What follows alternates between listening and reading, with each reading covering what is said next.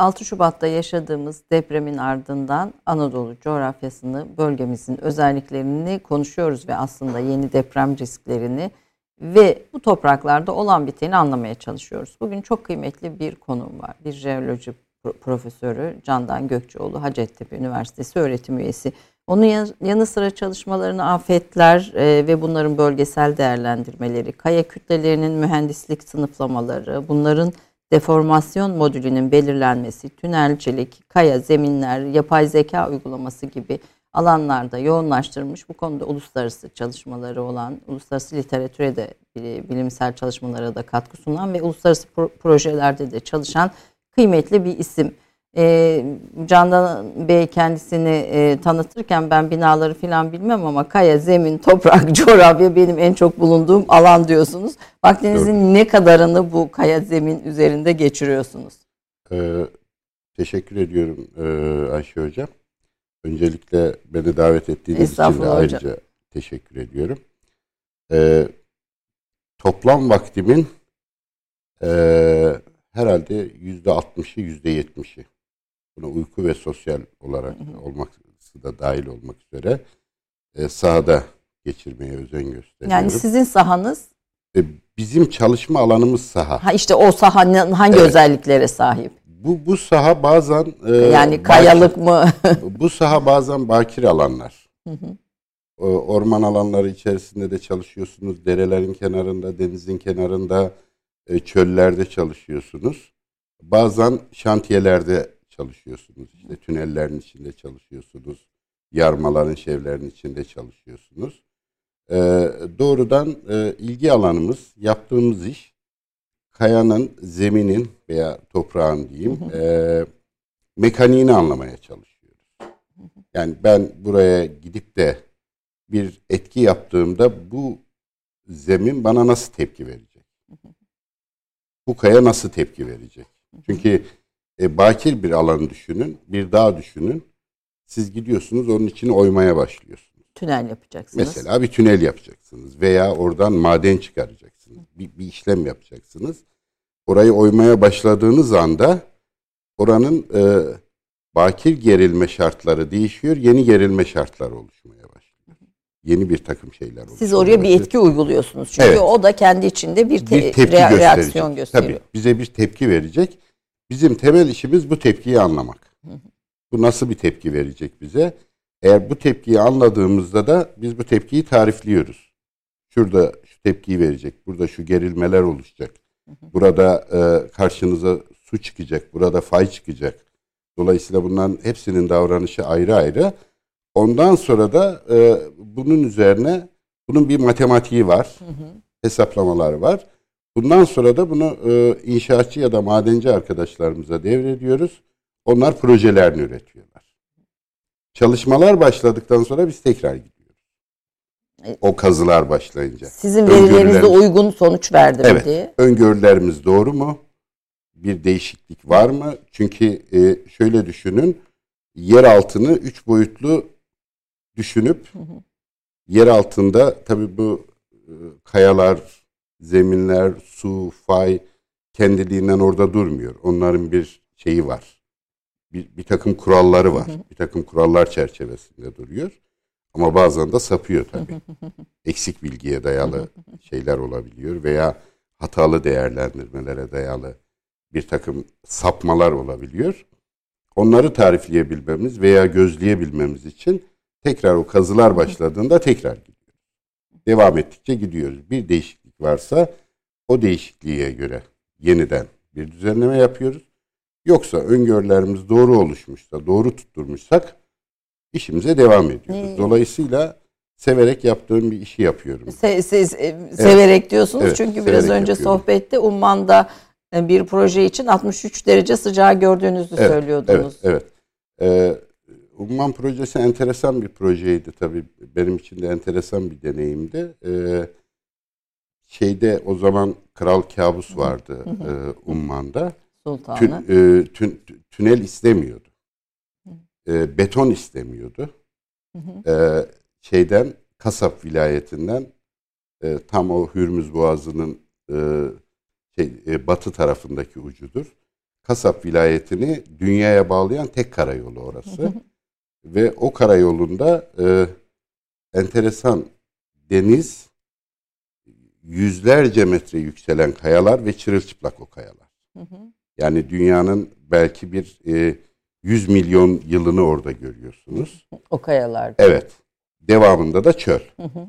Ee, tabii o kayaları orada tutmak istiyor istiyordu Sultan Kabus. Ee, ve sadece çeliktel kullanılması istiyordu. Sınırlamamız vardı. Ee, onun için çok çalıştım orada. Sahada çok çalıştım. O yolu adım adım defalarca yürüdüm. Üstüne çıktım, altına indim.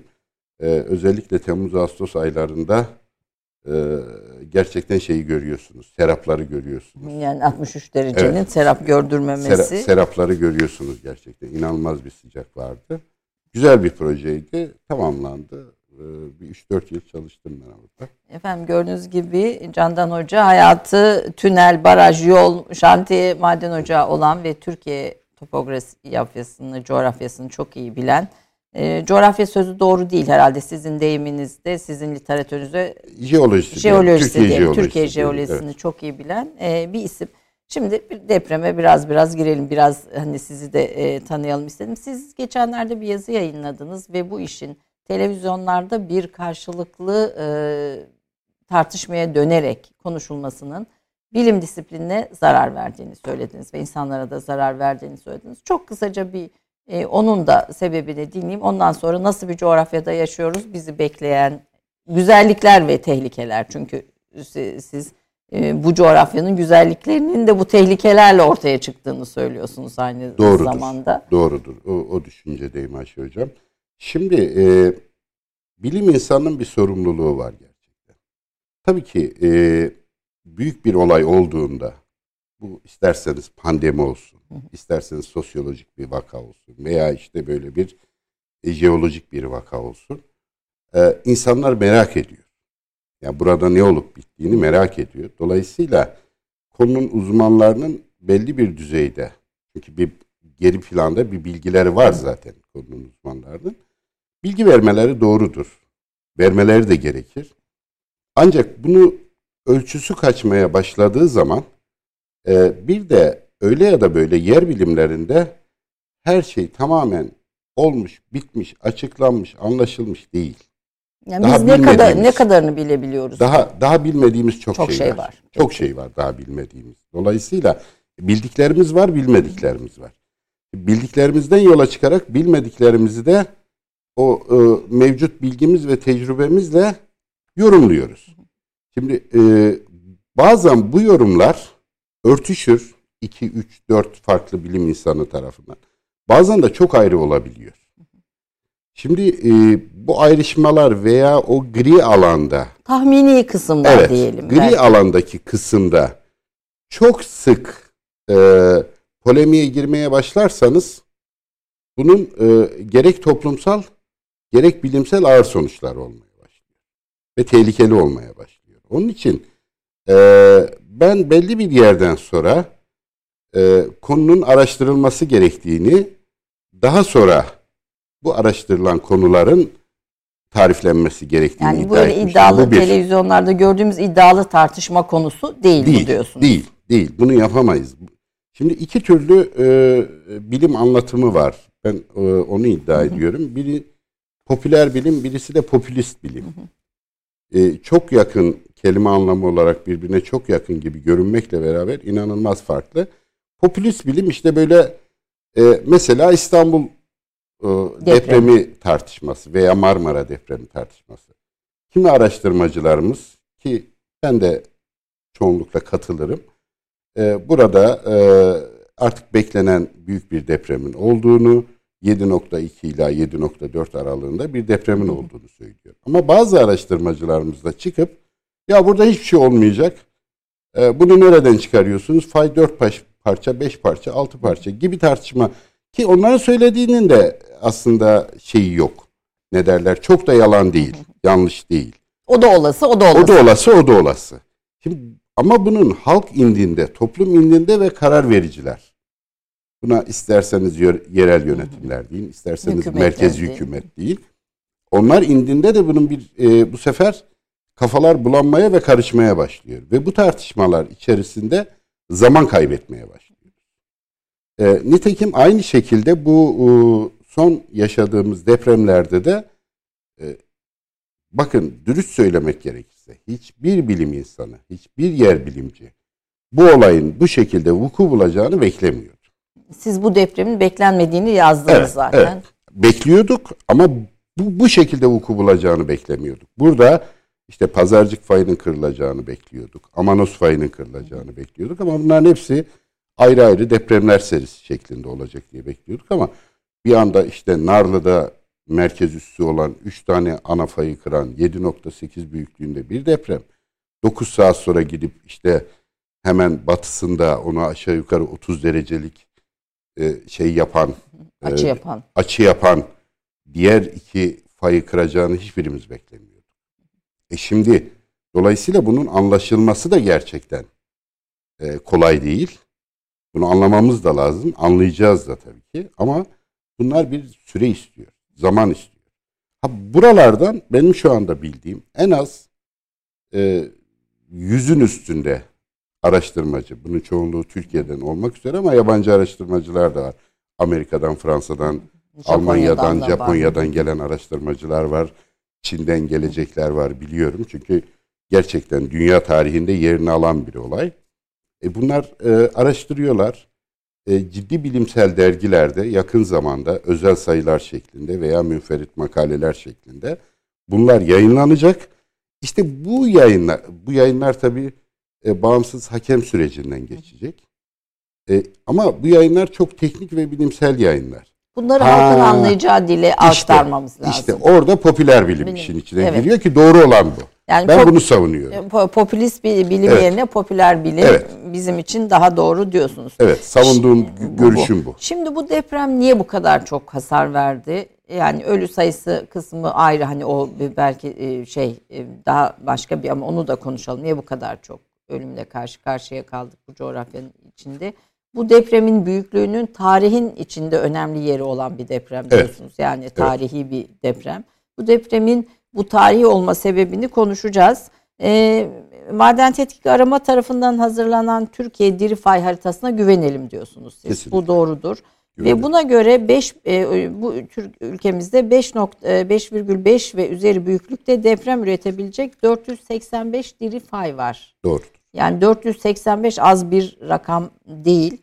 E, yani bu e, yani ciddi bir de e, şeye e, denk geliyor. Bölgeye yani Türkiye'nin neredeyse e, üçte ikisi değil. Yüzde 94'ü diye Yüzde 94. Ben biraz daha hani etkileniyor. yüzde 94'ünü etkileyecek bir şey, e, bir durum. Evet. E, Bir bu Anadolu coğrafyası nasıl bir coğrafya? Hani bu, bu ne anlama geliyor? Bir- Biraz bunu konuşalım. Biraz deprem haritası üstünden. Biraz da bu e, son depremin tarihi olma özelliğini, sebeplerini konuşalım istiyorum. Buyurun. Şimdi e, Siz bulundunuz, gittiniz bölgeyi, Tabii, tabii, gezdiniz. Ee, şimdi e, bizim hikayemiz aşağı yukarı 13-14 milyon yıl önce başlıyor. Hı hı. Ee, kuzeyimizde meşhur Avrasya plakası var. Bu plaka oldukça stabil ve büyük bir plaka. Güneyimizden e, Afrika kuzeye doğru hareket ediyor. Ama en aktifi Arap plakası. Güneydoğudan gelip Anadolu'ya- Yarımada dediğimiz şey bizim bir plaka mı? Bir Plaka, evet efendim. Yarımada O kuzey- dediği. kabaca kuzeybatıya doğru hareket ediyor. Evet. Yılda 2, 2 ila 3 santim aralığında kuzeydoğuya doğru hareket ediyor. Kuzeydoğuya doğru hareket ed- ederken bizim güneydoğumuzla çarpışıyor burası. Çarpışınca e, Kuzey Anadolu fayı ve Doğu Anadolu fayı zonları boyunca da arada kalan bölgemiz karşıda görüyoruz. Arada kalan bölgemiz e, kabaca güneybatıya doğru. Kayıyor. Yılda 2 santim Ege'ye doğru bunu da Ege'nin güneyine doğru diyelim. Peki. Güney batıya doğru. Girne diyor. Gi- Girit'e doğru. Girit'e doğru. Girit'e doğru hareket ediyor. Şimdi bu hareket sürekli devam eden bir hareket. Yani dünyamız canlı bir dünya ve bu hareket devam ediyor. O yüzden biz genç bir topografyaya sahibiz, genç bir jeolojiye sahibiz ve aktif bir tektoniğe sahibiz. Şimdi bu kötü bir şey mi? Ee, yani eğer depreme karşı doğru davranırsanız hiç de kötü bir şey değil. Niye kötü bir şey değil bana göre? Ee, e, bu kadar verimli ovamız var. Hı hı. Bakın işte Adapazarı, Düzce, Erzincan, Erbaa, Çukurova, geçin Amikova Ovası, Çukurova bunları hep oluşturan e, bu faylar, bu aktif tektonizma. E, bu verimli toprakları da oluşturan bunlar. Dolayısıyla biz e, insanların bütün ihtiyaçlarını karşılayan e, dağ silsilelerimiz var. Çok güzel. İşte kuzeyde e, Pontitler, güneyde Toritler. Toroslar, evet. E, jeolojik olarak evet. Torit deriz biz onlara. Toroslar. Hı hı. Bunlar da ayrı bir güzellik ve ayrı bir zenginlik katıyor coğrafyaya. Dolayısıyla tüm bu e, Güzelliği. sahip olduğumuz güzellikler aslında bu tektonizmanın ve bu jeolojinin bir sonucu. Dolayısıyla güzelliğini alırım.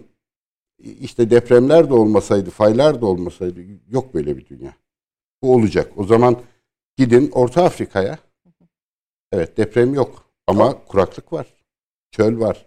Gidin e, işte Orta Asya'ya. Orta Asya'nın kuzeyine, kuzeyine, o steplere.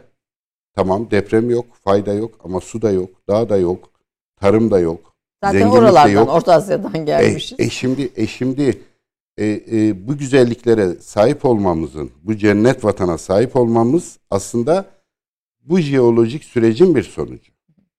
Dolayısıyla yani e, bakın e, dünyanın güzel yerleri, gelişmiş yerler işte Japonya benzer biçimde bir aday ayıdır. Son derece tehlikeli bir şey üzerine oturur. Ee, e, Deprem fayı üzerine. Evet. E, jeolojik zon üzerine oturur. Gidin San Francisco'dan yukarıya doğru çıkın Vancouver'a kadar Amerika'nın batısı aynı şekildedir. Ve buralar zengin bölgelerdir aslında. Evet ama deprem açısından da son derece Sorun tehlikelidir. Olsun. Tehlikelidir. Yüksek sismik aktivite vardır. Bunlar e, terminolojik olarak şey oluyor. Yüksek sismik aktivite deriz. Hı hı. Ölümcül deprem falan demeyiz. Ama bir taraftan Buralarda. da ölümcül deprem de deniyor tabii. Eğer dikkatli evet. olmazsak ölümcül öldürüyor. Öldürüyor. Bakın dünyada e, baktığınız zaman e, doğal tehlikelerden kaynaklı ölümler en çok kuraklık ve e, taşkındandır. Hı hı. Deprem üçüncü sırada gelir. Yani afetlere bağlı ölümler tabii için. dünyada evet evet deprem deprem üçüncü sırada gelir. Yani kuraklık ve taşkından daha çok insan ölüyor dünyada. Bu da ilginç bir veri aslında. Evet. Hiç böyle de, de, dikkatimizi çekmiyor. Çünkü depreme karşı daha kolay önlem alabiliyorsunuz aslında. Taşkına karşı da nispeten daha kolay evet. önlem alabiliyorsunuz ama kuraklık çok daha tehlikeli ve insanları açlıktan öldürüyor. Yani biz aslında kötülerin içinde, kötülerin çeşitli risklerin içinde bir, bir risk bizim coğrafyamızda bizi var. bekliyor. Biz evet. biz bununla Bizim de var böyle bir şey. Yani evet. dünyanın iki büyük fay e, şeyi var, e, kırığı var. O kırıklardan birinin üzerindeyiz. Şöyle, daha do- doğru bir e, daha jeolojik bir ifadeyle. E, ifadeyle dünyada iki büyük deprem kuşağı vardır. Bunun bir tanesi Pasifik Okyanusu'nu çevreleyen işte Japonya'dan başlayıp Çin'den devam eden işte Yeni Zelanda'dan geçen karşıda işte Amerika, San Francisco, San kuzeye giden o zon. Bir diğeri de Alp Himalaya dediğimiz işte ta Çin'den başlayıp Hindistan'ın kuzeyi, Pakistan, İran ve Türkiye'yi de içine alacak şekilde batıya doğru uzanan e, Avrupa'nın e, işte Yunanistan ve İtalya'da artık sönümlenen Alp Himalaya kuşağı. Biz o kuşağın tam ortasındayız. İran'la biz. Yani İran da e, şu bizim aktif fay haritamızın Biraz daha fazlası da İran'da vardır. İran da aynı durumdadır. Yani o bizde e, yaklaşık olarak 485 Tirifay varsa İran'da da buna yakın bir en az. Bir, Saymadım ama en az. Hı. Muhtemelen biraz daha fazla olabilir İran'da. Evet.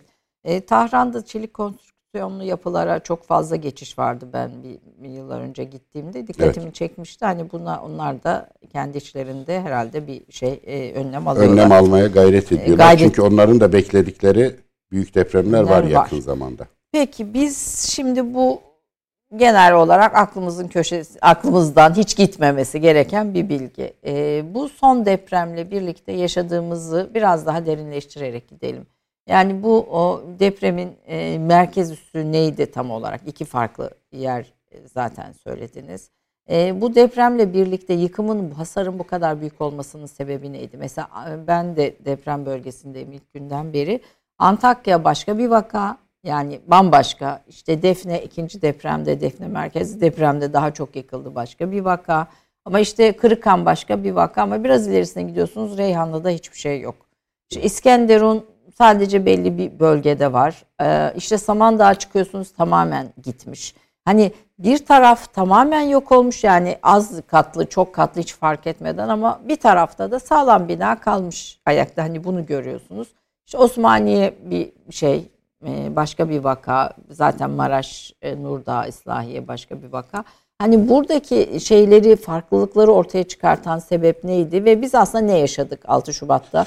Biraz onu e, jeoloji bilimin perspektifinden şimdi, şimdi dinleyelim isterim. 6 Şubat'ta e, e, konuşmam başında da arz ettiğim gibi e, enteresan bir olaylar silsilesi yaşadık. Neydi? E, şimdi her biri 7.2 ile 7.4 büyüklüğünde deprem üretecek 3 ana fay segmenti birden kırıldı. Yani Erkenek'ten başlayıp Pazarcık e, ta şeye kadar Kırıkan'a kadar devam eden bir e, fay silsilesi eş zamanlı olarak kırıldı. Kimi e, kayıtlarda şu anda dediğim gibi araştırmalar henüz bitmediği için çok da kesin konuşmamakta fayda var. Ee, ben de hep pazarcık fayı üzerinde başladı. Hı hı. İşte bir taraftan kuzeye doğru sıçradı, bir taraftan güneye doğru sıçradı diye düşünürken e, bir taraftan şunu iddia edenler de var. Diyorlar ki aslında hemen doğusundaki daha küçük e, Narlı fayı kırıldı. Narlı fayı buraya sıçrattı bütün bu hareketleri diyenler de var. Çıkacaktır bunlar açığa. E, e, 9 saat sonra aslında iyi bir şey demek de istemiyorum. Yani e, yaklaşık 50 bin vatandaşımızın, kardeşimizin vefatından evet, sonra evet. bazı şeyler de iyi olmuş diyemiyorum ama yani şunu da e, bilimsel ve teknik olarak kabul etmek lazım ki diğer e, çardak ve sürgü faylarının 9 saat sonra kırılması büyük şans. Yani çok beklemediğimiz bir biçimde 9 saat sonra kırıldı. Niye beklemiyorsun? Allah korusun. Niye? Çünkü çünkü buradaki enerji boşaldı. Genelde şöyledir. Faylar e, deprem olduktan sonra e, uçlarındaki faylar tehlikeli hale gelir. Hemen uçlarındaki. Diyelim Pazarcık fayı kırıldı. Tek başına öyle düşünelim. Onun kuzey ucunda ne var? Erkenek fayı. Güney ucunda Amanos fayı var. Bunlar üzerinde bekleriz. Çünkü stres oraya transfer ediliyor. Diğeri 30 derece açıyla geldiği için doğrudan bunun üzerine mutlaka bir stres transferi var ama ağır bir stres transferi olacağını çok da beklemeyiz. Demek ki çok hazırmış burası da. Artık son şeyin değilmiş ve 9 saat sonra kırıldı. Allah korusun 7-8 ay sonra kırılsaydı yani oralar sakinleştikten sonra insanlar evlerine girdikten sonra daha büyük yıkım olurdu diyorsunuz. Tabii daha büyük can kaybı olurdu. Olur, Yıkım evet. yine aynı, aynı olurdu, olurdu ama can kaybı daha evet. ciddi bir can kaybıyla karşı karşıya kalırdık.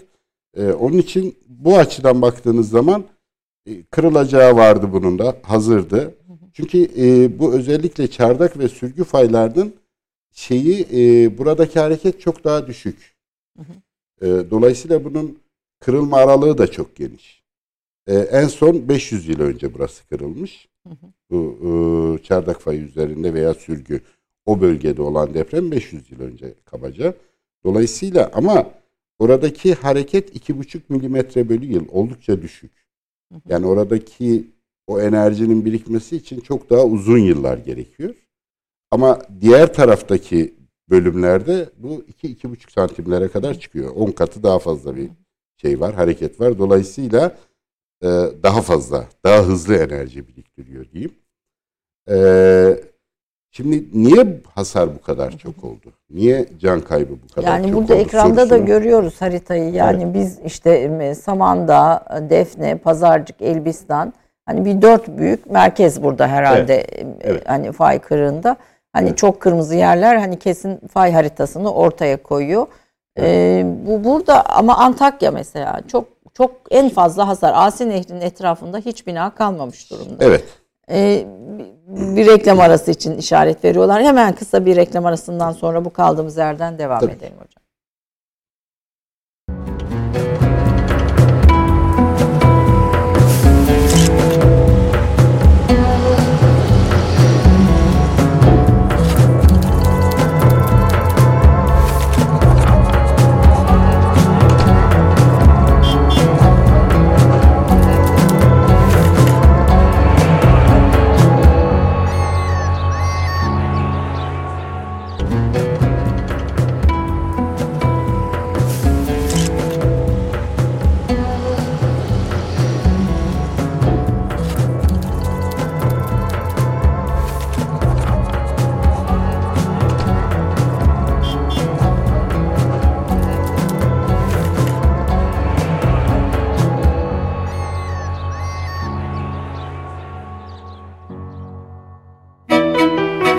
Profesör Doktor Candan Gökçeoğlu 1966 yılında Ardahan'da doğdu. İlk ve orta okulu Hanak, liseyi Ardahan'da tamamladı. Hacettepe Üniversitesi Mühendislik Fakültesi Hidrojeoloji Mühendisliği bölümünden 1989 yılında mezun oldu. Bir süre GAP kapsamındaki Ceylanpınar Ovası sulama projesinde çalıştı hocalarının davetiyle döndüğü Hacettepe Üniversitesi'nde Jeoloji Mühendisliği bölümüne araştırma görevlisi olarak atandı. 1993 yılında yüksek mühendislik ünvanını, 1997'de de doktora derecesini kazandı. Jeoloji Mühendisliği Uygulamalı Jeoloji Anabilim Dalı'nda yardımcı doçent, doçent ve profesör oldu. Hacettepe Üniversitesi'nde Bilgi İşlem Dairesi Başkanlığı, Uygulamalı Jeoloji Anabilim Dalı Başkanlığı, Mühendislik Fakültesi Dekanlığı, Hacettepe Teknokent ve Hacettepe Teknoloji Transfer Merkezi Yönetim Kurulu Başkanlığı görevlerinde bulundu. Çalışmalarını doğal afetler ve bunların bölgesel değerlendirmeleri, kaya kütlelerinin mühendislik sınıflamaları ve bunların deformasyon modülünün belirlenmesi, tünelcilik ve problemli zeminlerle mühendislik jeolojisi ve kaya mekaniğinde yapay zeka uygulamaları alanlarında gerçekleştirdi. Uzun yıllar kaya mekaniği, mühendislik jeolojisi ve doğal afetler derslerini verdi. SCI kayıtlarına göre 139 yayınına 7000'den fazla atıf yapıldı. 2006 TÜBİTAK Teşvik Ödülü'nün yanı sıra meslek kuruluşlarınca düzenlenen 6 ödüle layık görüldü. Çevre ve Şehircilik Bakanlığı Tabiat Varlıkları Merkez Komisyon üyesi ve Tabiat Varlıkları Bilim Kurulu üyesi olarak görev yaptı. 2007 yılından bugüne Türkiye Cumhuriyeti Devlet Demir Yolları'nın teknik danışmanlığını yürüten Gökçeoğlu, çok sayıda teknik sorunlu projenin tamamlanmasına katkıda bulundu. Profesör Doktor Gökçeoğlu bu çalışmalarının yanı sıra Malezya, Fas ve Umman'da projelerde çalıştı ve teknik eğitimler verdi. Hacettepe Üniversitesi Mühendislik Fakültesi Jeoloji Mühendisliği öğretim üyesi Profesör Doktor Candan Gökçeoğlu, uzun süredir Engineering Geology, Bulletin of Engineering Geology dergisinde bilim kurulu üyesi ve Computers and Geosciences ve Landslides dergisinde editör olarak görev yapmaktadır. Ee, efendim Hatay ve Antakya'yı konuşmaya da e, konuşuyor idik. Fakat bu arada demir yollarını da görünce araya bir demir yollarını sorayım istedim. Demir yollarına da danışmanlık yapıyorsunuz. Osmaniye'de ben depremde ağırlıklı orada bulundum e, demir yollarının ileriki hayların ilerisinde de şeyler var, e, bozulmalar var ve tünellerde de e, bozulmalar var. Evet. E, evet. Bunun bir, biraz bunun izahını da almak isterim. Şimdi, şimdi, şimdi o bölge e, demir yolu açısından çok hayati ve kritik bir bölge. Hı hı. Yoğun nüfusun yaşadığı ve özellikle İskenderun, e, Hatay'dan e, işte İç Anadolu'ya giden veya oradan e, dönüşü olan yük taşımacılığı açısından da önemli. E, bu sebeple aslında orada çok ciddi ve büyük projeler yapılıyor ve tamamlanmak üzere. Hı hı. Bir kısmı da tamamlanmış durumda. Tünel var galiba evet, bu proje. Çok ciddi. E, Türkiye'nin en uzun demiryolu tüneli mesela. Bahçenurdağ Tüneli. Hı hı. Çok şükür birini tamamladık onlardan. iki tane. Hiç hasar oldu mu? Olmadı. Hayır, hı hı. hayır. Ee, hem de tam işte Nurdağ'dan giriyor, Bahçe'den çıkıyor hı hı. tünelimiz ve e, dünyanın belki en zorlu tünellerinden bir tanesi. Hı. Çünkü fayınız var, yüksek su basınçları var, yer yer zayıf zeminleriniz var, yüksek e, sismisite tehlikesi var. Hı hı. Şey tarafında ise, bahçe tarafında ise bir de üstüne heyelanlar geliyor. Hı hı.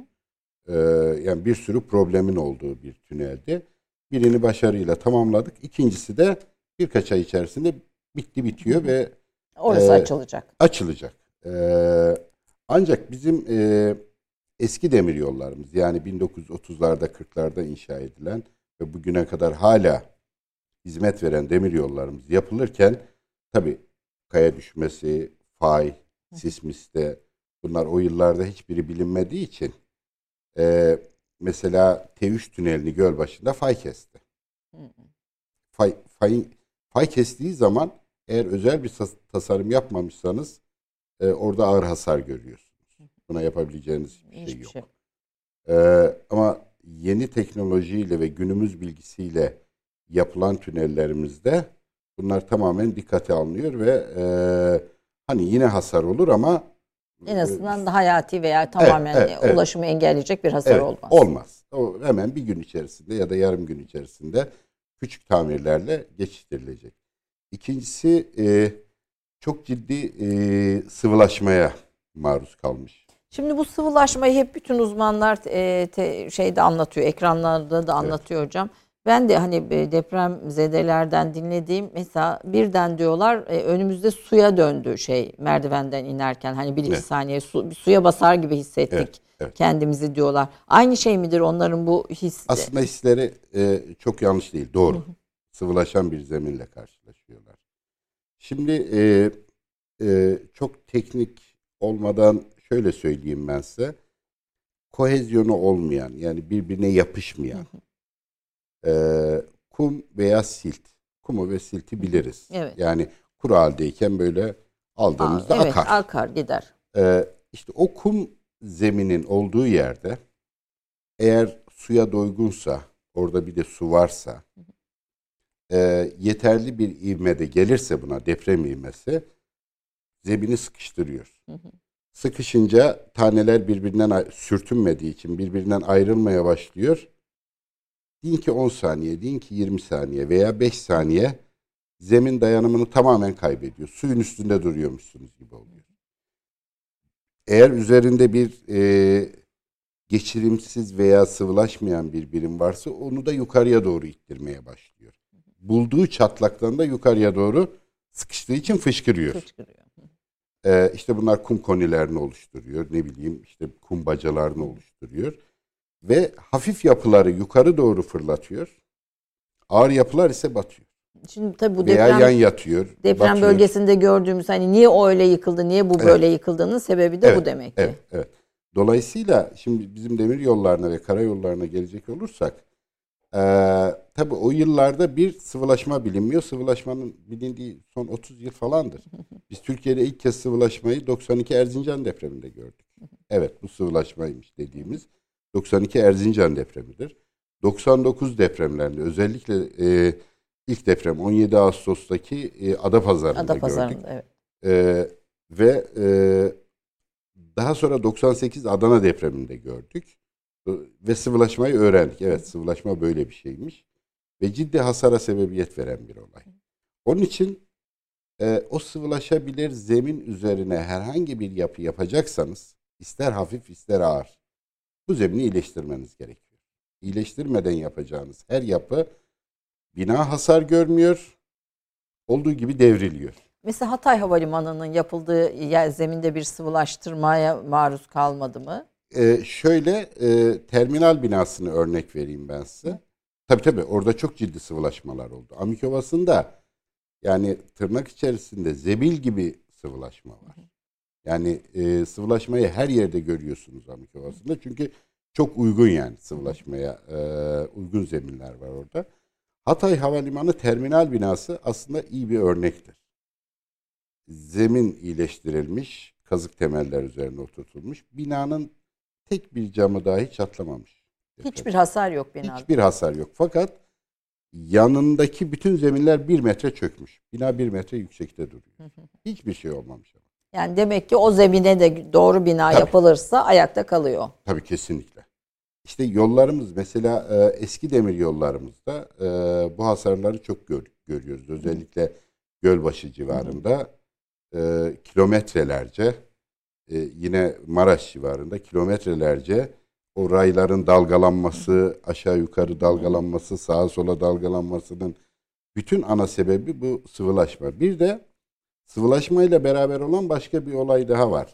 Zemin sıvılaştığı zaman eğer zeminin hareket edebileceği bir dere, bir göl, bir deniz varsa zemin bir derece bile olsa su nasıl akıyorsa Oraya o bir akıyor. derece boyunca akıyor. Ve akınca buna da yanal yayılma diyoruz.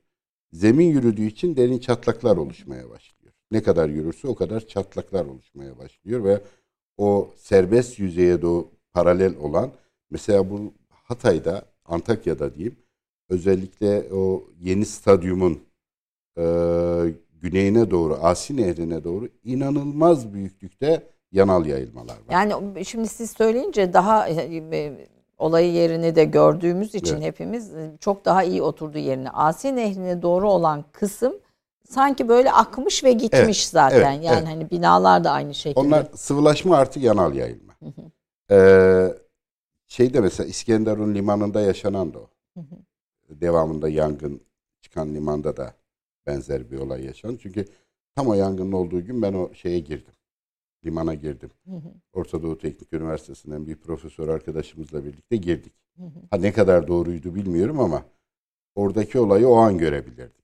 Ha, yani Görmemiz o an siz de bilim insanları olarak o an onu gördüğünüzde evet. anlamlandırabiliyorsunuz. Evet. Bunun üstünden bir süre geçtikten sonra ister istemez e, bir takım tamiratlar, tadilatlar yapılıyor ve şey izi kaybediyorsunuz. Hı hı.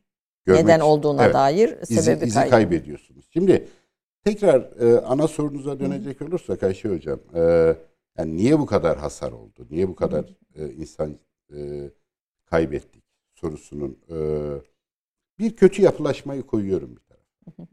Yani onun ciddi bir payı kuşkusuz o, var. Hocam bu, buna bir, bir tık geçmeden önce sizin söylediğiniz bir şey var. Ee, yer çekimi ya Antakya ve Hatay için bu yanal yayılma ve sıvılaşma ile birlikte yer çekimi etkisinin üzerinde bir yıkım oldu dediniz. Bunu bu da bu konuyla Şöyle, bağlantılı. Bağlantılı bağlantılı arz edeceğim onu da. Ee, şimdi e, bir deprem sırasında e, bir takım olaylar olur.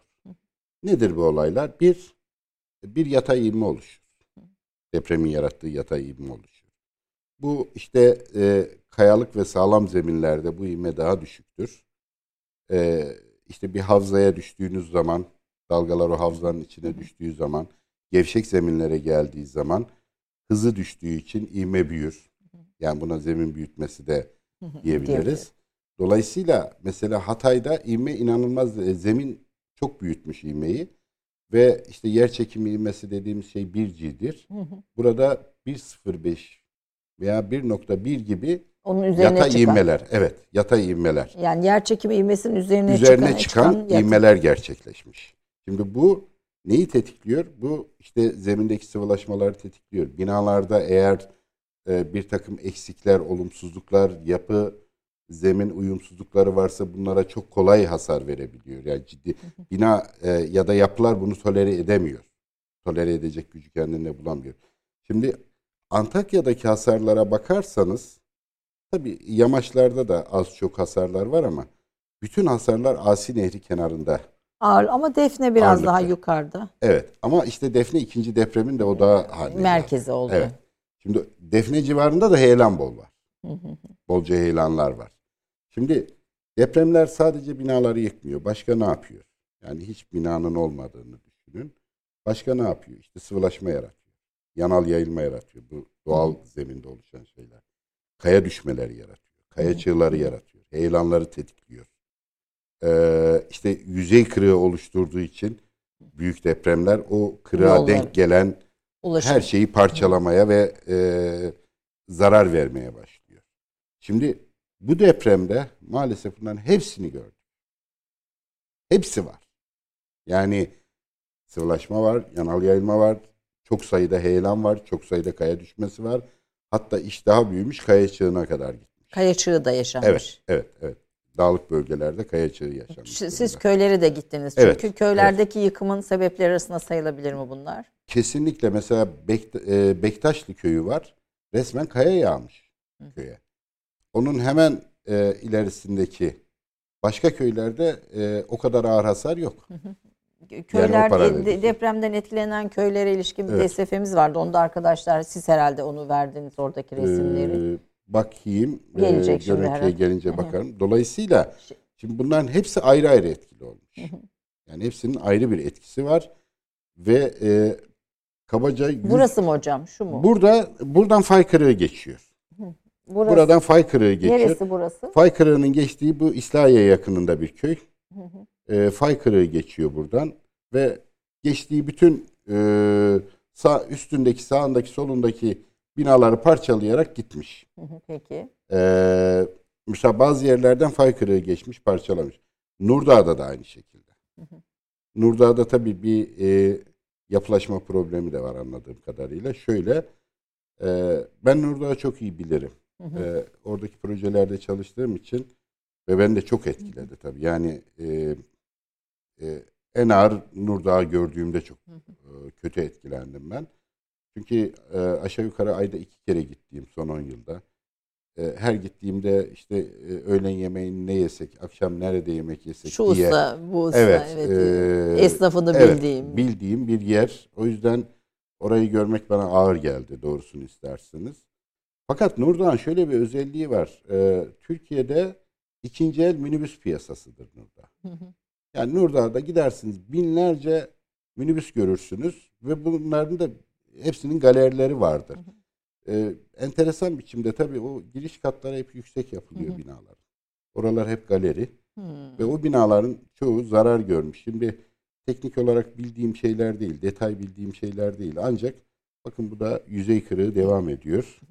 Bu Nurdağ'dan ge- Bu artık şey İslahiye'ye doğru Islahiye buralar. doğru evet. gidiyor. Ee, İslahiye'ye doğru gidiyor. Kırıkan'da artık sonlanıyor. Yani Hassa'yı geçiyor. Ee, Hassa, Akbez, Hassa ve Kırıkan'da sonlanıyor. Ee, Ee, Antakya'ya gitmiyor o zaman. E, Antakya e, şeyi e, ne derler e, segmenti ilk depremde kırılmadı. O daha sonra kırıldı. İşte Defne depremi Defne dediğimiz depreminde e, e, olayda kırıldı. Dolayısıyla Antakya'da ilk seferde yüzey kırığı yoktu. Orada daha çok zemin büyütmesi ve sıvılaşma. E, çünkü yani şeylere baktığınızda da e, hasar görmüş ya da yıkılmış binaları şöyle bir harita üzerine döktüğünüzde de size çok şey anlatıyor. Belirli bölgelerde yoğunlaşmış. Yamaçlara doğru çıkmaya başlıyorsunuz o eski Antakya evleri. Yani tek tük hasar.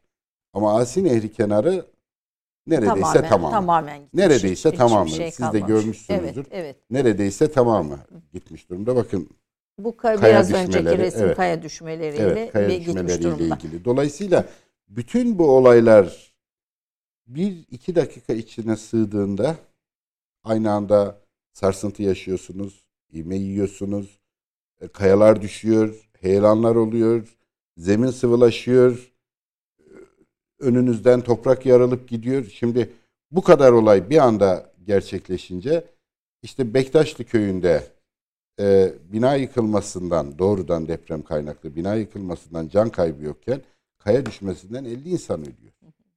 İşte bir tarafta sıvılaşma sebebiyle yıkılan göçen binalarda yüzlerce kişi ölüyor. Evet. Yani e, bir taraftan e, kırık üzerinde başka e, can kayıplar oluyor. Dolayısıyla bunun üstüne bir de yapılaşmadaki Zayıflıklar. zayıflıkları eklediğinizde ortaya kocaman bir e, hasar çıkmaya Şimdi başlıyor. artır, artırılmış gerçeklik değil sanal dünya için kullanılıyor ya Evet. böyle hani daha çok Evet. gerçek ise burada da artırılmış bir sürü etken artırılmış bir deprem etkilerini silsile Doğrudur. olarak Doğrudur. e, gö- görüyoruz. Peki zemin e, etütleri doğru yapılsaydı, binalar doğru olmuş olsaydı, o zemine göre yapılmış olsaydı kaybımız ne olurdu? Şöyle söyleyeyim. Yani e, kaçta kaçını biz şey yapabilirdik Ee, bundan engellenebilirdik? Yani normal şartlarda şu kaybınızı yüzde ona indirebilirdiniz. Hı, evet. Şu kaybınızı yüzde ona indirebilirdiniz. Yani bu boyuttaki bir depremde hiç insan ölmez, hiçbir şey yıkılmaz demek e, doğru ve e, şey bir yaklaşım değil. Gerçekçi değil. Gerçekçi bir yaklaşım değil. Ancak e, tam bu söylediğiniz yerimizi iyi seçseydik, mühendislik önlemlerimizi, e, projelerimizi doğru geliştirip önlemlerimizi alsaydık ama yine de beklenmedik, e, gözden kaçan, o bu diyelim hadi e, büyütelim, büyütelim, büyütelim e, yüzde ona inerdi burası. Aa, o zaman ne geliyor karşımıza Ayşe Hocam? Ee, önce doğru yer seçimiyle başlamamız gerekiyor. Yani bakın eğer viyadüklerimiz zarar görmediyse Türkiye'nin en büyük karayolu viyadükleri şeyden geçiyor. Tamfa'ya paralel geçiyor. Tabii şeyde. Nurdağ, Nurdağ, İsrail'in evet. üzerinden geçiyor. Oradaki Atatürk Evet, Viyadüğü Türkiye'nin en yüksek şu anda viyadüğüdür. Ee, devamında Özal viyadüğü var biliyorsunuz. Başpınar Evet, evet. viyadüğü var. Onlar öyle devam ediyor. Hiçbirinde Hasar yok. ufak tefek oynamalar dışında ki bu da doğal. Hiçbir hasar yok. İşte e, yine Nurdağ Bahçe arasındaki şeylerde karayolu tünellerimizde hasar yok. Hemen bunların altındaki Bahçe Nurdağ tünelimizde hasar yok. Ne girişinde ne çıkışında hasar yok. Ha, demek ki bir yer doğru seçilmiş. Oradan başlıyor. İki doğru ivmelerle çalışılmış. Yani gelecek depremin 3 aşağı Önleyecek. 5 yukarı tahmin edilip tahmin edilmiş. Çünkü biz hep orada 7.4 büyüklüğünde depreme göre çalışmıştık ama tabii işin içine biraz da güvenlik katsayısını şunu bunu katınca e, yeterli performansı göstermiş bütün yapılar. E, doğru seçtiğiniz zaman yeri daha ekonomik çözümler üretiyorsunuz. Daha güvenli çözümler üretiyorsunuz. e, ve daha uygulanabilir çözümler üretiyorsunuz. Ondan sonra da dediğim gibi e, zemininizi doğru tanıyacaksınız ilgili deprem parametrelerini veya diğer doğal tehlike parametrelerini doğru tanımlayacaksınız. E, ona göre de vereceksiniz arkadaşlarımız e, doğru planlama yapacak. Mühendislerimiz de üstüne doğru binalar Bina yapacak. Doğru altyapılar kuracak. e, şimdi e, mesela Antep e, doğru zemin diyorsunuz. Antep'te. Antep'in zemini evet oldukça iyidir. Yani buradan şimdi ben de Antep'ten de döndüm. E, Bu sefer deprem bölgesinden dönerken hani Antep'te de gördüğüm insanlar endişeliydi. Buradan da böyle bir şey söyleyelim. Antep'in zemini Şu, evet Antep'te e, ben hem e, sağlam. Yani Antep'in zemininin sağlamlığı bu depremin ortasında olmuş olmasına rağmen kendini, etkilenmesini kendini azalttı. belli etti. Evet. Kendini belli etti. Antep'te e, e, çok güzel kireç taşları var. e, Gaziantep formasyonu olarak isimlendirilen. Hatta biz orada mesela çok keyifli tüneller yaptık. Çok kolay çalıştık. Zemin güzeldi. Yani hem stabildi hem de kolay kesilebilir zeminlerdi. Siz tabii keyifli dediğiniz şey kolay kesilebilir. evet, hem Zor, kolay az kesilecek hem çıkar. yıkılmayacak. Yıkılmayacak evet. İki- ikisini bir arada Evet. sağlayan e, iyi zeminlerde. Hatta Antep'te e, şunu da söyleyeyim. E, Gaziray projesinde çalışırken e, şu anda işlemde yer yer şeylerle karşılaştık. Yer altında daha önce insanların e, yer altına oyduğu Mağaralar. tabii mağaralar ve oralarda işte yazın gidip kalıyorlar ne bileyim develerini işte hayvanlarını oralar çünkü Diyarbakır'da serin. da vardır o, Evet. o, kaya o bölgede. evet. E, dolayısıyla e, stabil bir zemin. Yani öyle zemin büyütmesiydi, efendime söyleyeyim sıvılaşmaydı, yok heyelandı, olacak zeminler pek yok Antep'te. Onun için e, Antep bu açıdan iyi bir yere kurulmuş, iyi bir yer seçmişler Antep açısından zamanında. Çünkü bunu biz seçmedik. Bundan Atalar, binlerce yıl evet. önce atalarımız Atalar seçmiş. bir yer seçiyor. E, Hatay hakeza. Hatay yeni bir şehir değil ki. Ben onu soracaktım Hat- şimdi onun akabinde. Yani Antep bu kadar sağlam bir zeminde ve bütün bu şeyin içinde sağlam kaldı. Yani kişisel e, binaya ilişkin hatalar nedeniyle yıkılmalar e, olağan yani hani bu şey değil. E, olağan dedim yani hani önlenebilir bir E, şey. Tabii tabii tabii. Yani zeminle Tabii. ilgili bir durum Majör bir problem yok. di- Evet. en azından genel bir sorun yok ama diğer taraflarda e, tamamen yani yüzde yetmiş yüzde seksene daha yakın bir yıkım görmüş oluyorsunuz. Hatay'daki bu e, eski bir yerleşim son derece işte bir, bir sürü kültürü, dini, mezhebi barındıran bütün bir yer. o. Ve onların birçoğu gitti. Yani o kadar üzülüyorsunuz bütün- ki sokaklarında bütün- gezerken. Ee, Ayşe Hocam bütün mesele o. Yani e, Hatay sadece bir şehir değil. Bir kültür yani bir Büyük bir yaşam, bir, kültür. dünya tarihinin Evet. bir şeyi, bir özeti gibi Tabii. bir, bir bölgeden söz Şöyle, ediyoruz. şöyle düşünün Hata- Hatay'ı yüzlü, iki yüzlü yıllarda 500-600 bin nüfusa varan bir yer. İşte ilk Hristiyanlığın ilk kilisesi orada, Habibi Neccar camimiz Evet. orada. Bu topraklardaki evet, ilk yani- cami. Ee, buna benzer bir sürü kültürü olan e, niye bu kültür var? E, tarım var orada. Verimli topraklar var. su var. Su var. O da Bir depremle de, oluşmuş. bir de deniz diyorsunuz. var. Bir de deniz var. Evet. Evet. Yani sadece e, Amik e, işte Amik Nehri yok. Bir de şey var. Asi Nehri yok. Evet, Bir de deniz var. Deniz var. Evet. Dolayısıyla e, zamanın ulaşımı da Kolay. kolay o bölgede. Onun için yani yıkılsa bile yeniden kuruluyor burada. Çünkü insanları cezbeden bir şey var. Ee, insanları kendine çağırıyor burası. Yani sadece mesele deprem değil ki. Bu insanlar her gün beslenmek zorunda, ulaşımını sağlamak zorunda. Bir de hayatın Suyunu gerçekleri sağlamak. var. E, tabii. hayatın gerçekleri var. Dolayısıyla Kaç kere yıkılmış Hatay? Bir tarihte iki Hatay üç. benim benim bildiğim iki tane ağır yıkım. Ee, tarihi kayıtlarda iki tane çok büyük yıkım yaşamış.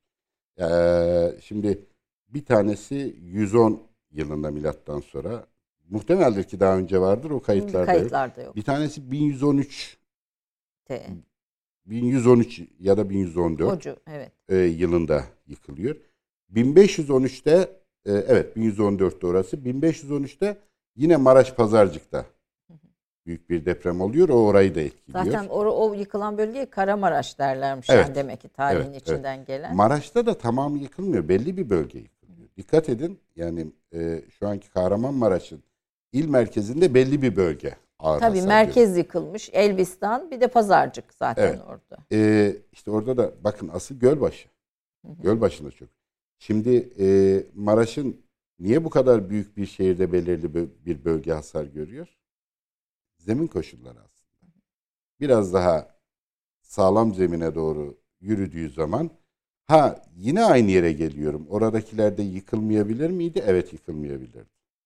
Ah, Aynı Hatay Havalimanı örneğinde Evet, olduğu evet, gibi. Evet, evet. Yani İyi, iyi mühendislik olsaydı yıkılmazdı tabii ki. Ama şimdi kötü zemine veya gidip de ovaya bir sürü para harcayarak beton e, yığdığımızda. betonu yığarsanız bu doğru bir şey de değil. Tarım alanlarımızı kaybediyoruz. Onun için iyi yer seçelim. Kullanılmayacak yerlere gidip yerleşelim. E, oraya daha az parayla daha güvenli Doğayla kavga mekanlar. etmeyelim evet, diyorsun. Daha güvenli mekanlar yaratalım. E, ovalarımıza da e, kirletmeyelim, betonlaştırmayalım. Oralarda da tarımımızı yapmaya devam edelim. Şimdi bundan sonrası için ne öngörüyorsunuz? Mesela Hatay için, e, Antakya için veya Maraş için diye. Adıyaman'da mesela hiç e, sonradan Adıyaman'da yıkımın bu kadar büyük olduğu zamanla köylerde fark edildi. Çok Evet. direkt yakın gibi de görünmüyor yani o kadar merkezin içinde ama bir şekilde en çok etki şimdi sizin kırmızı haritanıza bakıyorum arkadaşlar Evet, verirlerse. Ekrana verirlerse. Evet biraz daha kenarda kalmasına rağmen e, mesela Adıyaman'da e, şey yıkımın olduğu e, bir bölge oldu. Evet. e, şimdi tabii hep zemin zemin koşulları diyoruz ama e, Ayşe Hocam e, yapı stoğu da çok önemli. Yani bazı bölgelerimizde gerçekten yapılar e, kötü yapılmış. Geleneksel olarak kötü yapılmış. Burada e, Adıyaman'da da yine zemin problemleri olmasına rağmen diğer şehirlerimize göre e, daha fazla etkilenmesinin ana sebebi orada benim gördüğüm sanki yapı stoğu bir gömlek daha düşük gibi. Yani bunun ortasında Antep az etkilendiyse, Adıyaman daha çok etkilendiyse burada Orada- Adıyaman'daki orada, yapı evet, stoğunun evet, e, bir etkisi olduğunu düşünüyorum. et- etkisi, Etkisi olduğunu var düşünüyorum. diyorsunuz.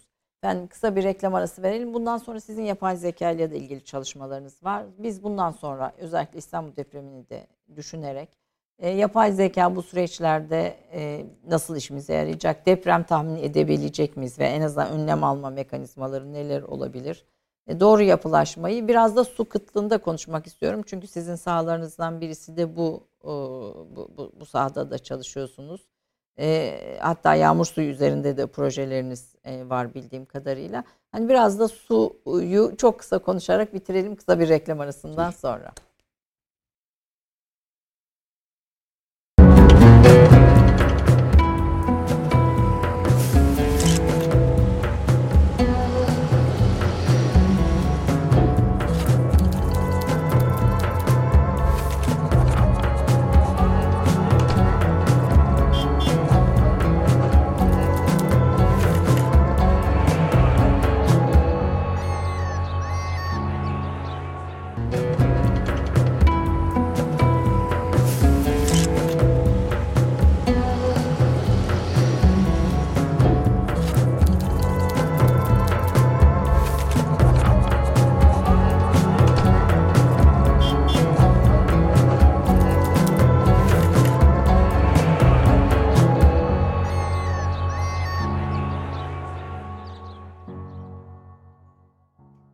Türk Kahvesi'nin 3. bölümüne geldik. Ben her zamanki gibi 3. bölümde bir hızlanma e, şeyine moduna geçiyorum. E, konuğum kıymetli bir jeoloji profesörü Hacettepe Üniversitesi'nden Profesör Doktor Candan Gökçeoğlu. E, daha önceki bölümde Türkiye'nin e, fay haritasını, Türkiye'nin Anadolu'nun daha doğrusu konumunu, son depremin yıkıcı olma sebeplerini konuştuk. Şimdi biraz buradan da yola çıkarak yeni projeler, Türkiye'nin bu deprem haritası üzerindeki durumu değiştirmek mümkün değil. Yani bu coğrafya Asya'ya tekrar Orta Asya'ya göç etme imkanımız olmadığına göre hani toplanın göçüyoruz yani. diyeceğimiz bir durum olmadığına göre ve bu coğrafyada yaşaya kaldığımız sürece bu gerçeği bilerek yaşamak e, zorundayız. Evet. E, buna dair çok kısa önerilerinizi almak istiyorum. Bir Afet Bakanlığı'nı önemli buluyorsunuz. Evet. Yazılarınızdan da okuduğum kadarıyla. Doğru, e, afet değil hatta buna daha e, şey afeti böyle biraz daha e, bu doğaya uyumlu bir şey olarak da görüyorsunuz. Yani bu doğa bunu üretiyor. Evet. Bu coğrafya bunu üretiyor diyorsunuz. Afet Bakanlığı üzerindeki durma sebebiniz ne? Çok kısa o önerinizi bir dinlemek Hız, istiyorum. Hız, hızlıca arz edeyim müsaade ederseniz tabii ki.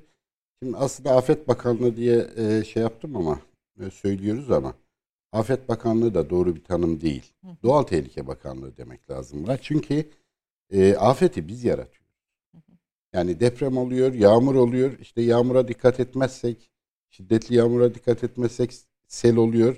E, gidip dere yatağına evimizi kurarsak o sel gelip bizi, bizi götürüyor. götürüyor. Yani e, doğal olayları doğru yorumlayıp e, yer seçiminden başlamak üzere yatırımlarımızı bu, bunu bunu dikkate alarak değerlendirmek üzere bir çünkü işte demin coğrafyamızı e, yaşadığımız coğrafyayı ya da yaşadığımız jeolojik ortamı az buçuk tanımlamaya çalıştık. Her şey var bizde. Evet. E şimdi böyle olan bir yerde bir doğal tehlike bakanlığı olması gerekmez mi? Bence olmalı. Var mı örnekleri ee, dünyada? Tabii tabii tabii var var. Dünyada çeşitli e, ülkelerde var. Şimdi bazı ülkeler doğal tehlike yok, yok ya zaten. da çok minimal. Evet. Ama bazı ülkelerde cidden çok büyük. Belki de bunun tamamının neredeyse yaşayan 5-10 ülkeden biriyiz biz. Yani çok az say evet. sayılı ülkelerden evet, evet, biriyiz. Hepsini bir arada yaşayan. O yüzden bence e, şimdi dün haberlerde gördüm. E, Cumhurbaşkanlığımız bünyesinde e, afet politi afet politikalar ya da deprem politikalar kurulu gibi bir kurul oluşturulacakmış. Tabii ki bu da önemlidir. Bir koordinasyon açısından önemlidir. Kurulması da son derece faydalıdır. Ee, ama e, daha benim beklentim ya onun varlığı veya AFAD'ın varlığı böyle bir bakanlığın olmamasına en, olmasına değil. engel değil, mani değil. Çünkü e, şöyle düşünün, e, siz bir yatırım yapacaksınız. A noktasından B noktasına bir yol yapacaksınız Hı. veya bir yere liman yapacaksınız veya yeni bir yerleşim alanı seçeceksiniz. Ee, aslında bahsettiğim bütün bilgiler bakın MTA bu haritayı yapmış, üretmiş. MTA şeyde üretmiş, üretti. Türkiye heyelan haritasında üretti. İşte başka kurumlarımız taşkın haritalarını da üretti. Su haritalarını da üretti. Veya işte ne bileyim Tarım Bakanlığı'nın birinci derece tarım arazileri, ikinci derece. Yani bütün bu hepsini bir araya getirip siz yol yapacağınız zaman ben şu bölgeden yolu geçiriyorum diye o bakanlığa sunup bu olmuş ya da olmamışın onayını almanız lazım.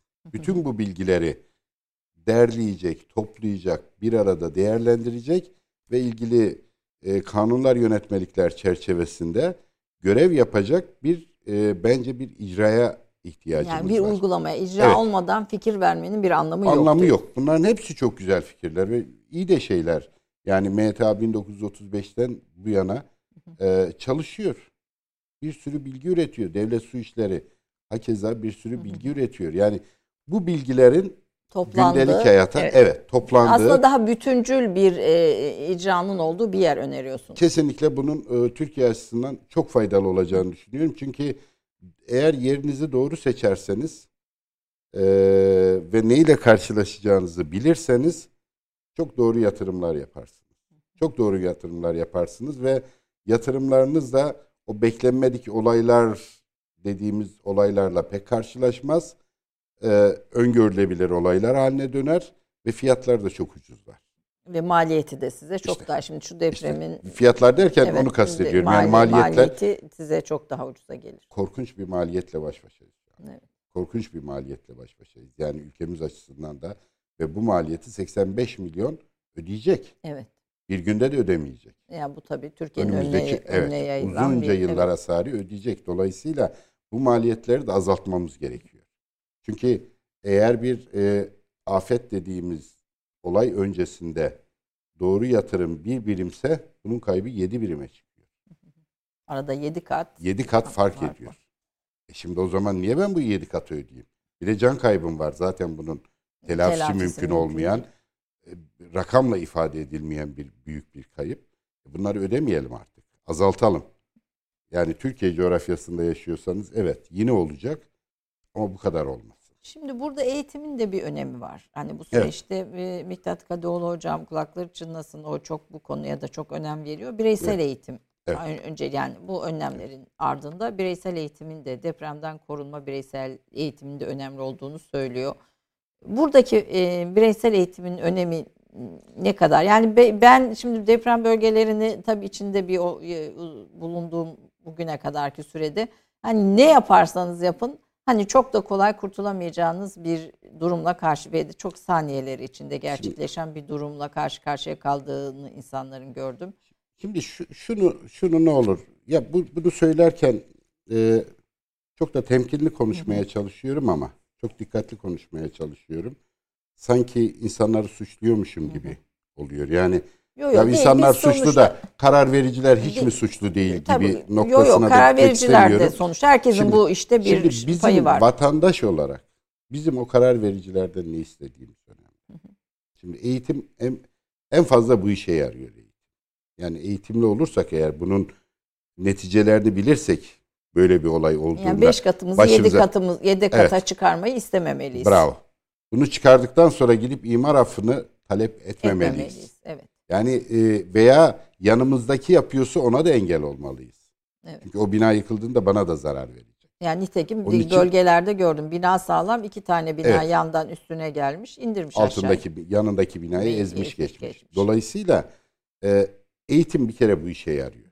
Yani e, hatta hatta devlet veya karar vericiler yanlış bir şey yaptığında eğitimli vatandaş ona da engel olur. Evet. Yapma bunu. Talebi eğitim talep kısmında bir, Bir kere talep eğitim. kısmında olağanüstü bir e, iyileştirme sağlayacaktır. Yani balkon talebimizden işte çatı talebimize, iki kat talebimize Şimdi günümüzde yaşadığımız olay e, bu ima, e, şey e, yeni konutların yapılması ne deniyordu ona?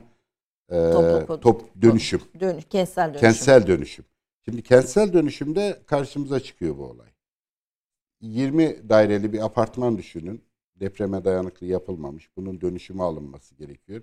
Kat malikleri anlaşamadığı için Yani benim tanıdığım 7-8 yıldır bu Evet. anlaşmayı sağlayamamış hukuki, yerler var. hukuki süreçler başlıyor. Hukuki süreçler başladığında iş uzuyor ama ni, bunun ana sebebine işte sizin diyelim orada 120 metrekarelik eviniz var ama ne bileyim yeni projede size 100 metrekare verilecektir. Şimdi buna karşı çıkıyorsunuz. Ya bırakın 120 metrekare ölümcül bir yerde yaşamayı ben 60 metrekare sağlıklı bir yerde yaşamayı tercih edebilmeliyim. Yani tabii ki insanlar hak kaybına uğramasın ama yani bu noktada da insanların e, taleplerinin. Evet, taleplerinin doğru olması lazım ama bu da gerçekten eğitimden geçiyor. E, Ta valla ben ilkokul eğitiminden başlayın. Çok eğitimli insanların da yaşadığı bir apartman olayı biliyorum. Yani 8-9 yıldır bir kentsel dönüşüme giremediler. Yani Ayşe hani- hocam ben onlara eğitimli diyemeyeceğim. Diploması olmuş olabilir. Peki yani diplomaları Diploması- olan diyeceğim. Diploması olmuş olabilir ama e, irfan sahibi değildir. yani, Yani, hani 7-8 yıldır bu konuda direniyorlar. Ee, yanlış bina- yapıyorlar. Yani Bu- kentsel dönüşümün e, bir defa itirazların kabul. Siz bu konuda hatta bir yasa çıkarılmalı. Yani Ben ben itirazların ben da evet kabul bu, edilmemesi bu konuda gerektiğini kentsel dönüşüm konusunda daha zorlayıcı olmak zorundayız. Yani Allah korusun işte olduğunda canımız gidiyor. Evet. Yani bir de e, şöyle bir şey de var. Bakın deprem öyle kompleks ve karmaşık bir hikaye ki. Şimdi hadi evimizi yaptık. Ama siz o gün evinizde değilsiniz. Tabii. Zaten Depreme depreme başka bir yerde bir yakınınızın Biz- evinde de yakalanabilirsiniz. nitekim böyle Hatay'da benim Evet. bildiğim bir vaka var. bir otelde de geliyor. evet, Otelde. bir otelde de yakalanabilirsiniz veya dediğim gibi misafirlikte de yakalanabilirsiniz. Yani bunun tek başınıza kendinizin önlem alması da yetmiyor. E, ben yine de sorayım. Depremde o, onu sarsıntı hissettiğimizde en güvenilir bölge sizce nedir?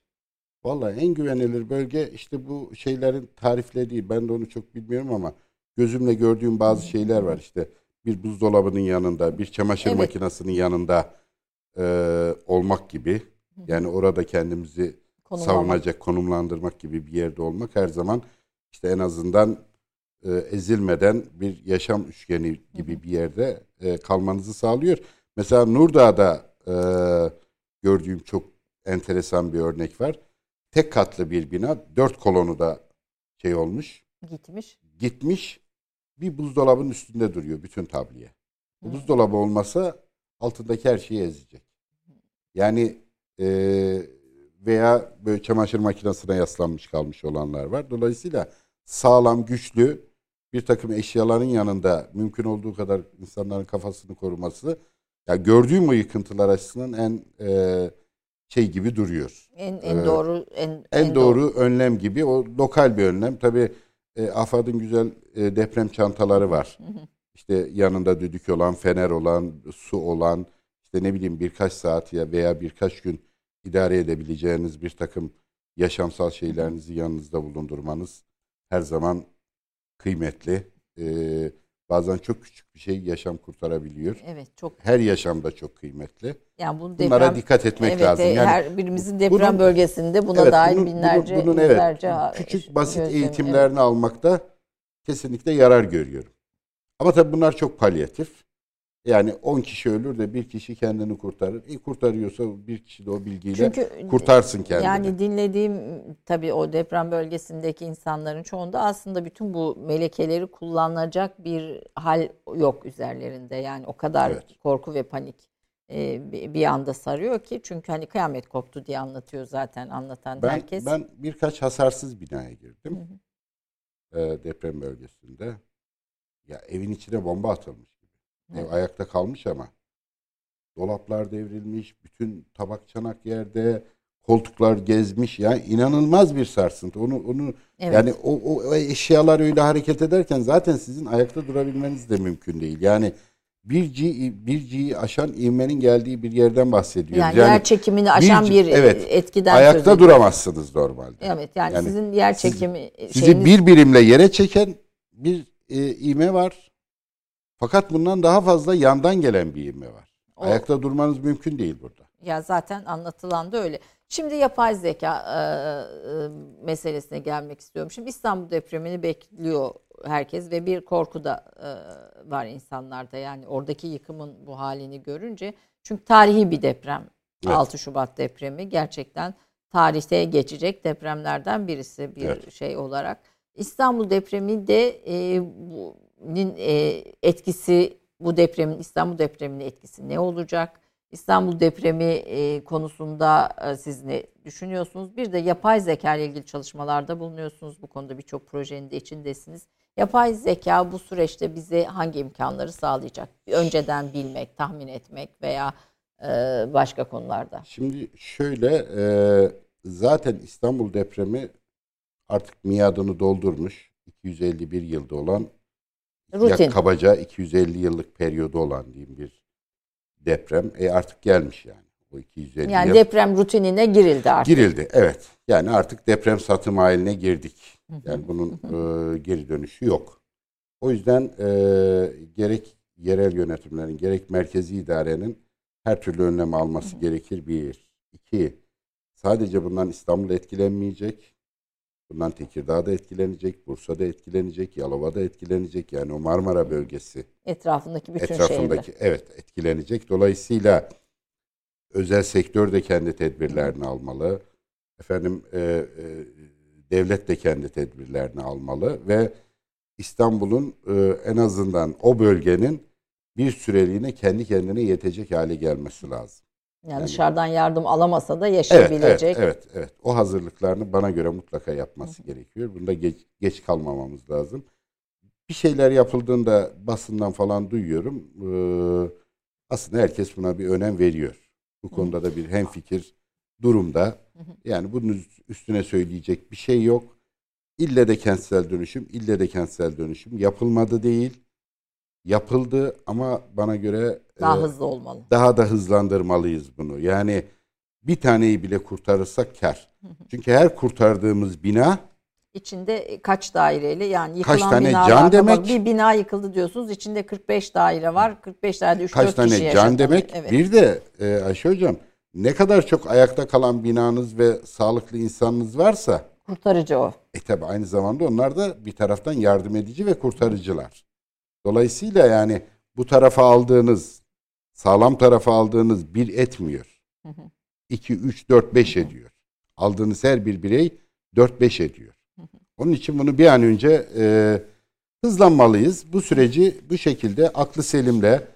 Panik, pa- panik yapmadan e, götürmeliyiz. E, buna diyeceğim bu. Ha bunun diğer depremlerin buna e, etkisi olur mu? Ya bir küre düşünün. Tabii ki bu bir dinamik. Mutlaka orada olan bir şey. Öteki tarafta da başka etkiler oluyor ama ya bu depremler olmasaydı, Maraş depremleri olmasaydı da e, İstanbul depremi olacaktı. Ya bu, bu yeni söylenen bir şey değil. Çok da etkileyici, tetikleyici Evet, bir evet, unsuru. evet. Yani e, şeyini kendi mekanizması içerisinde zaten ömrünü doldurmuş, süresini doldurmuş bir e, olayı bekliyoruz. Beklerken doğru işler yapmamız gerekiyor.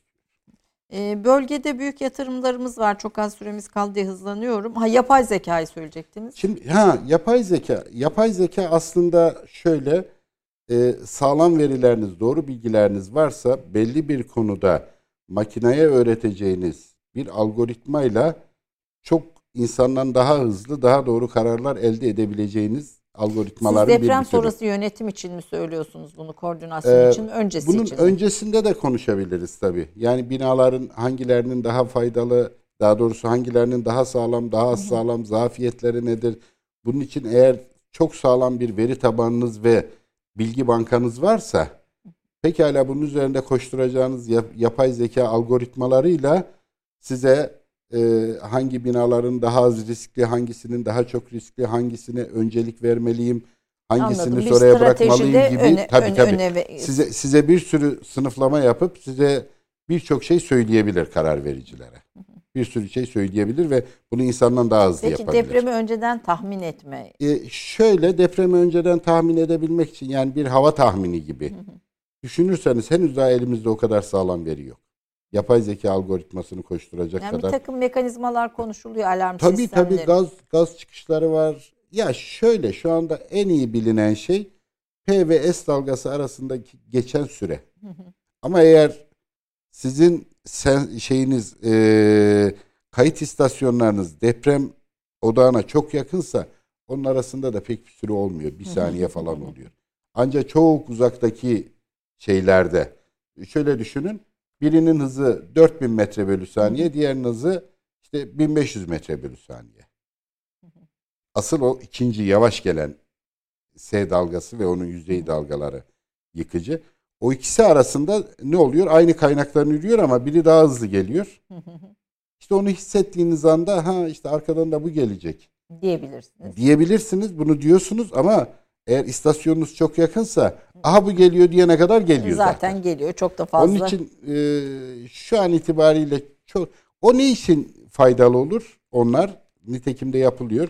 İşte hemen doğalgazı kapatalım, otomatik tak kapatırsınız. İşte elektrikleri keselim. Ne bileyim bir takım tehlikeli işte hızlı treni durduralım. Uçakları indirmeyelim.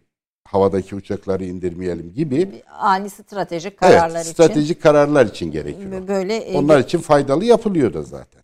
Ama bana haber verdiler. Bir saniye sonra geliyor. Yani zaten onu algılayana kadar iş diğeri işten gelmiş geçmiş oluyor. e, oluyor. E, Atatürk Karakaya barajlarımız var. Bir de Evet. su kuraklık tehlikesi de bu dönem tabii Evet. doğa olaylar içinde şeyinde. E, birçok ba- baraj yatırımımız var, boru hatlarımız var. Evet. Bütün bu süreçlerde bu e, deprem riskine karşı bunların yani sizin konuşmanızdan yeni yapılanların en azından deprem ri- riskine karşı dayanıklı yapıldığını Evet, anlıyoruz. evet, evet, yani evet. burada bir endişeye girmemize Yok, hiç yok. sebep yok. yok yok. Bu bütün bir- bu barajlarımız ve bütün bu şeylerimiz sağlam ve deprem riskine karşı doğru Doğrudur. doğru yapılmış şekilde. büyük mühendislik yapılarımız çok Sağlam. ciddi mühendislik hizmeti alıyor. Dolayısıyla bunlar öngörülüyor ve buna göre işte belli tolerans sınırları hatta gerekirse biraz daha e, güvenli tarafta kalmak için daha ciddi e, önlemler alınıyor. Nitekim de işte Karakaya barajımız var, Atatürk barajımız var oralarda. Bölgede evet. Ufak tefek bir iki barajda ama bu büyük barajlarda değil de küçük barajlarda bir takım e, ufak Çatlaktı. tefek çatlamalar falan oldu. O da doğal.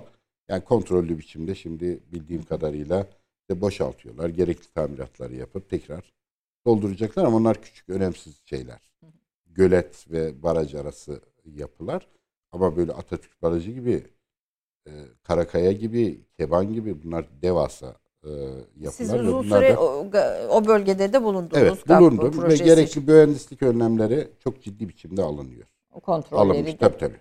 Yani ve bu sürekli konuda da takip ediliyor. e, vatandaşlarımızın bir endişeye Hayır, e, hayır.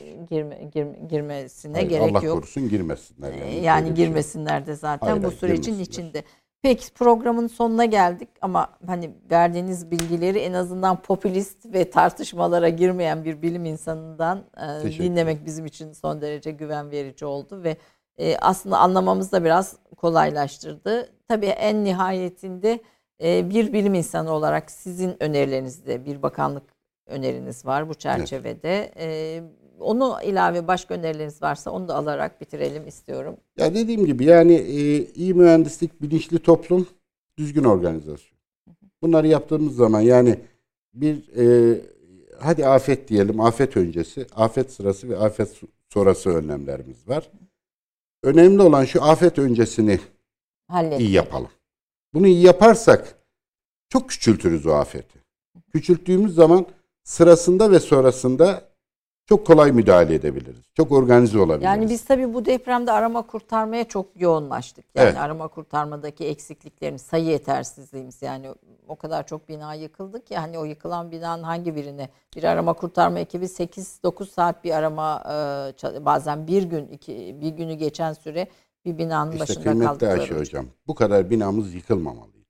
Evet. Mesele orada. Onu söylemeye çalışıyorum. Onun için kentsel dönüşüm. Bunu ne kadar e, bir olayı bize yaklaşmakta olan bir olaya giderken veya bize yaklaşırken bunu ne kadar fazla yaparsak işte o kadar az binamız yıkılacak. O yüzden bunlar da daha kolay olacak diğerlerine müdahale etmek. Ee, siz bu yapı yılını mesela Türk İstanbul ve bir sürü yerde 40 yıl, 50 yıl, 60 yıllık uzun dönemlik yapı stoklarımız da var. Yani bu yapılarla ilgili ne söylüyorsunuz? Valla tabii e, şimdi tasarım e, şeyleri özellikle bizim Türkiye'de bu zemin etütlerine önem verme, zemin etütlerinin işin içine girmesi, yapı zemin etkileşimi, onunla ilgili yönetmelikler çok sıkılaştırıldı. Özellikle 99 depremlerinden sonra. Tabii bu da bir kültür, zaman alacak. Hala e, ben zemin etütlerinin doğru yapıldığını düşünmüyorum. Gördüklerim benim açımdan hiç iç açıcı değil. Ama e, tabii önemli oranda iyileşmeler oldu. Ama ondan öncekiler özellikle 70'li yıllarda yapılanlar bunlar yoktu. Aynen bizim 1940'larda yaptığımız demir Demir yolları yollarımız gibi. nasıl hasar gördüyse 100 yıldır işte hizmet veriyordu ama o depremde hasar gördü ve lanet olsun ki bana o gün lazım o yol. Evet. Ulaşım için o gün. O gün lazım bana. Evet. Yoksa iyi günde ne olacak? Ufak tefek şeyler olur. Bir gün beklersiniz falan. Üç gün tren gitmese, üç gün araba gitmese ne olur eğer ortada böyle büyük bir felaket yoksa? Ne olur yani? Ama işte o deprem günü lazım bana onlar. Onun için eee, sanki eski binalarda tabii bu tip mühendislik eee, şeyleri olmadığı Ee, için biraz daha o- riskli. O yüzden aslında şehrin büyük, düşünüyorum. büyük, büyük oranda bir Tabii. kentsel yenileşmeye e, İhtiyacı var. ihti- İhtiyacı ihtiyacı var. var. ihtiyacı Siz var. sahadasınız bundan sonra. Gene Evet. dağlar, tepeler, Evet, kayalar. Sürekli oralarda olacağız. Ee, e, bu e, zamana göre herhalde testler, araştırmalar vesaire Biraz daha gelişecek. gelişecek. Biraz Biz daha böyle artacak. bu depreme dair doğru sonuçları en azından ne olup bittiğini daha bilimsel düzeyde anlayabileceğimiz sonuçları 5-6 ay gibi bir Evet, zamanda bir- bir ancak minimum minimum 3 aydan başlamak üzere e, ciddi e, sonuçlar üretilmeye başlayacak. O- Emin olun o birkaç yılda sürer üretilmesi ama 3 3 aydan sonra daha sakin işte uluslararası değerlendirmelerden geçmiş e, bir makale niteliğine ulaşmış, araştırma makalesi niteliğine ulaşmış ve özgün sonuçları olan çalışmalar 3 aydan itibaren çıkmaya başlayacak. Ee, inşallah onları da e, işte bir popüler bilim e, şeyi içerisinde, kavramı içerisinde anlatmaya ben de gayret göstereceğim. Yani bilim adamlarının da burada önemli. Çünkü Evet. sizin bilim seviyenize sahip değiliz ve aslında bütün bu Estağfurullah. verilerin sizin açınızdan yorumlanmış sonuçlarını, doğru sonuçlarını Evet, sizin için ne ifade ediyor? Evet, evet. Biz bir biz- şey bulduk da bu sizin bu, için bu ne bizim hayatımızda nasıl bir Evet. önem arz ediyor? Bunu da bu çerçevede dinlemeyi çok arzu ederiz. Hocam çok çok Memnuniyetle. teşekkür ediyorum. Ben teşekkür ediyorum. Yani böyle tehlikeli, riskli bir coğrafyada ama öbür taraftan da bir o kadar da güzel bir coğrafyada yaşamanın elbette şeyleri var. Siz bir programdan önceki sohbette bir şey söylüyordunuz. Onunla bitirelim. Hocam diyor ki doktora gittiğinizde "E, hocam ölecek miyim dersiniz. Evet der diyor. Evet. Siz devamını sizden Şimdi değil. e, dünyanın en iyi doktoruna gidin. Şöyle bir soru sorun. Doktor ben ölecek miyim? Doktor size evet öleceksiniz der. Peki hangi gün öleceğim diye sorduğunuzda doktor size ne bileyim der. E, bizim durumumuz da aynı. Burada deprem olacak mı? Evet kesin olacak diyoruz. Evet. Hangi gün olacak onu ben bilmem. Onu bilmeyiz ama Evet. bu sürecin içinde daha iyi Evet. yaşamı daha e, güzelleştirecek, daha sağlıklı Evet. hale getirecek önlemleri alabiliriz. Almamız daha gerekiyor. doğru. Sağlığımız için nasıl alıyorsak değil mi? evet. evet. e, kötü şeylerden uzak durup spor yapmaya çalışıyorsak, stresten uzak durmaya çalışıyorsak, e, ne bileyim işte e, daha konforlu yaşamaya çalışıyorsak bedensel açıdan, burada da önlemlerimizi alarak Evet. daha güvenli yaşamayı hedeflememiz lazım. Yaz. İnşallah bunu başaracağımızı İnşallah. umut ediyorum. Ben bu, bu dönemlerde umutsuzluk pompalayan konuşmaların ve söylemlerin de toplum ruh sağlığı açısından hiç Doğru faydalı olmadığı kanaatindeyim. Doğru ne değil. yapabileceksek onu yapmaya gayret edelim. Çok e, faydalı oldu. Çok çok teşekkür ediyorum Ben hocam. teşekkür Sağ olun ayaklarınıza Sağ olun. sağlık. Efendim haftaya Türk kahvesinde bir başka konukla buluşmak üzere. Hoşçakalın.